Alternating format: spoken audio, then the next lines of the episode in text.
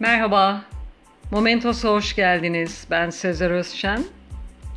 Bugün Türk Edebiyatı'nda okumamız gereken 11 polisiye roman serisinde 8. sırada Mehmet Murat Somer'i ağırlıyoruz. 1959 doğumlu.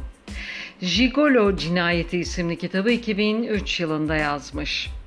Mehmet Murat Somer'in dünyanın ilk travesti dedektifi Burçak Veral'ın maceralarını anlattığı 6 kitaptan oluşan Hop Çiki Yaya serisinin başarıları Türkiye'nin sınırlarını aştı.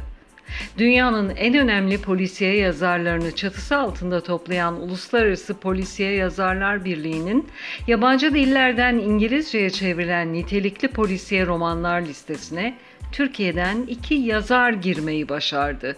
Bunlardan biri Mehmet Murat Somer'in Jigolo cinayeti, diğeri de Selçuk Altun'un senelerce senelerce evveldi kitapları. 1950 İstanbul Kız Kolejleri spor karşılaşmalarında Hop Çeki Yaya'yı slogan olarak kullanırlarmış. 1950 sonrası özellikle gelir düzeyi yüksek kadınlar ayıplanan bir durum karşısında hop çiki yayalık yapma demeye başlamış. 1960'larda hop çiki yaya plaklarda alt başlık olarak eşcinsel anlamında kullanılmış. Murat Mehmet Somer hop çiki yaya diyerek hem geçmiş kuşağa saygı hem de eşcinsel karşılığın gündeme girmesi için kitaplarına seri ismi olarak seçmiş.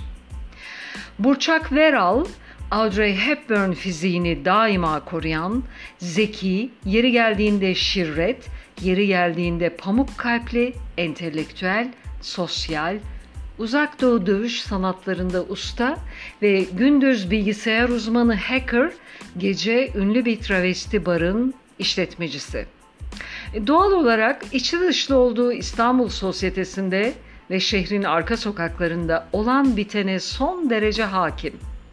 Jigolo cinayetinde aşk acısıyla boğuşan Burçak Veral, sosyetenin gözde simalarından özel finans danışmanı Faruk Hanoğlu, bir minibüs şoförünü öldürmek suçundan tutuklanmasından sonra maktulünün aslında ünlü bir jigolo olduğunu öğrenir ve macera böylelikle başlar.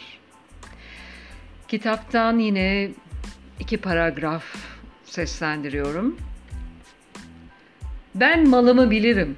Oturuşun kalkışın değişti. Bakışların fıldır fıldır oldu yine.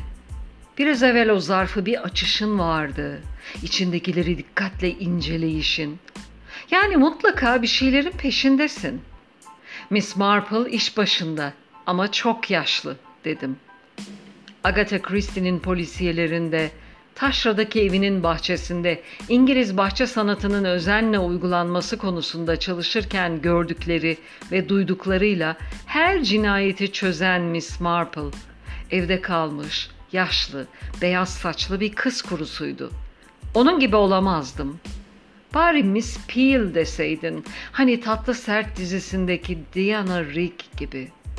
Sürekli lateks ve deriler içinde.'' Kate Blanchett harikaydı. Ama şimdi başka bir incecik, uzun boylu kadına hayran olmak, kendimi bildim bileli idolüm olan Audrey Hepburn'e ihanet etmek gibi geliyordu. Audrey bir numaramsa, Kate'e de şimdilik ikincilik verebilirdim. Karizmasız manken hanımları listeme almamakta direniyordum. İlginç ben bu kitabı hiç duymadım.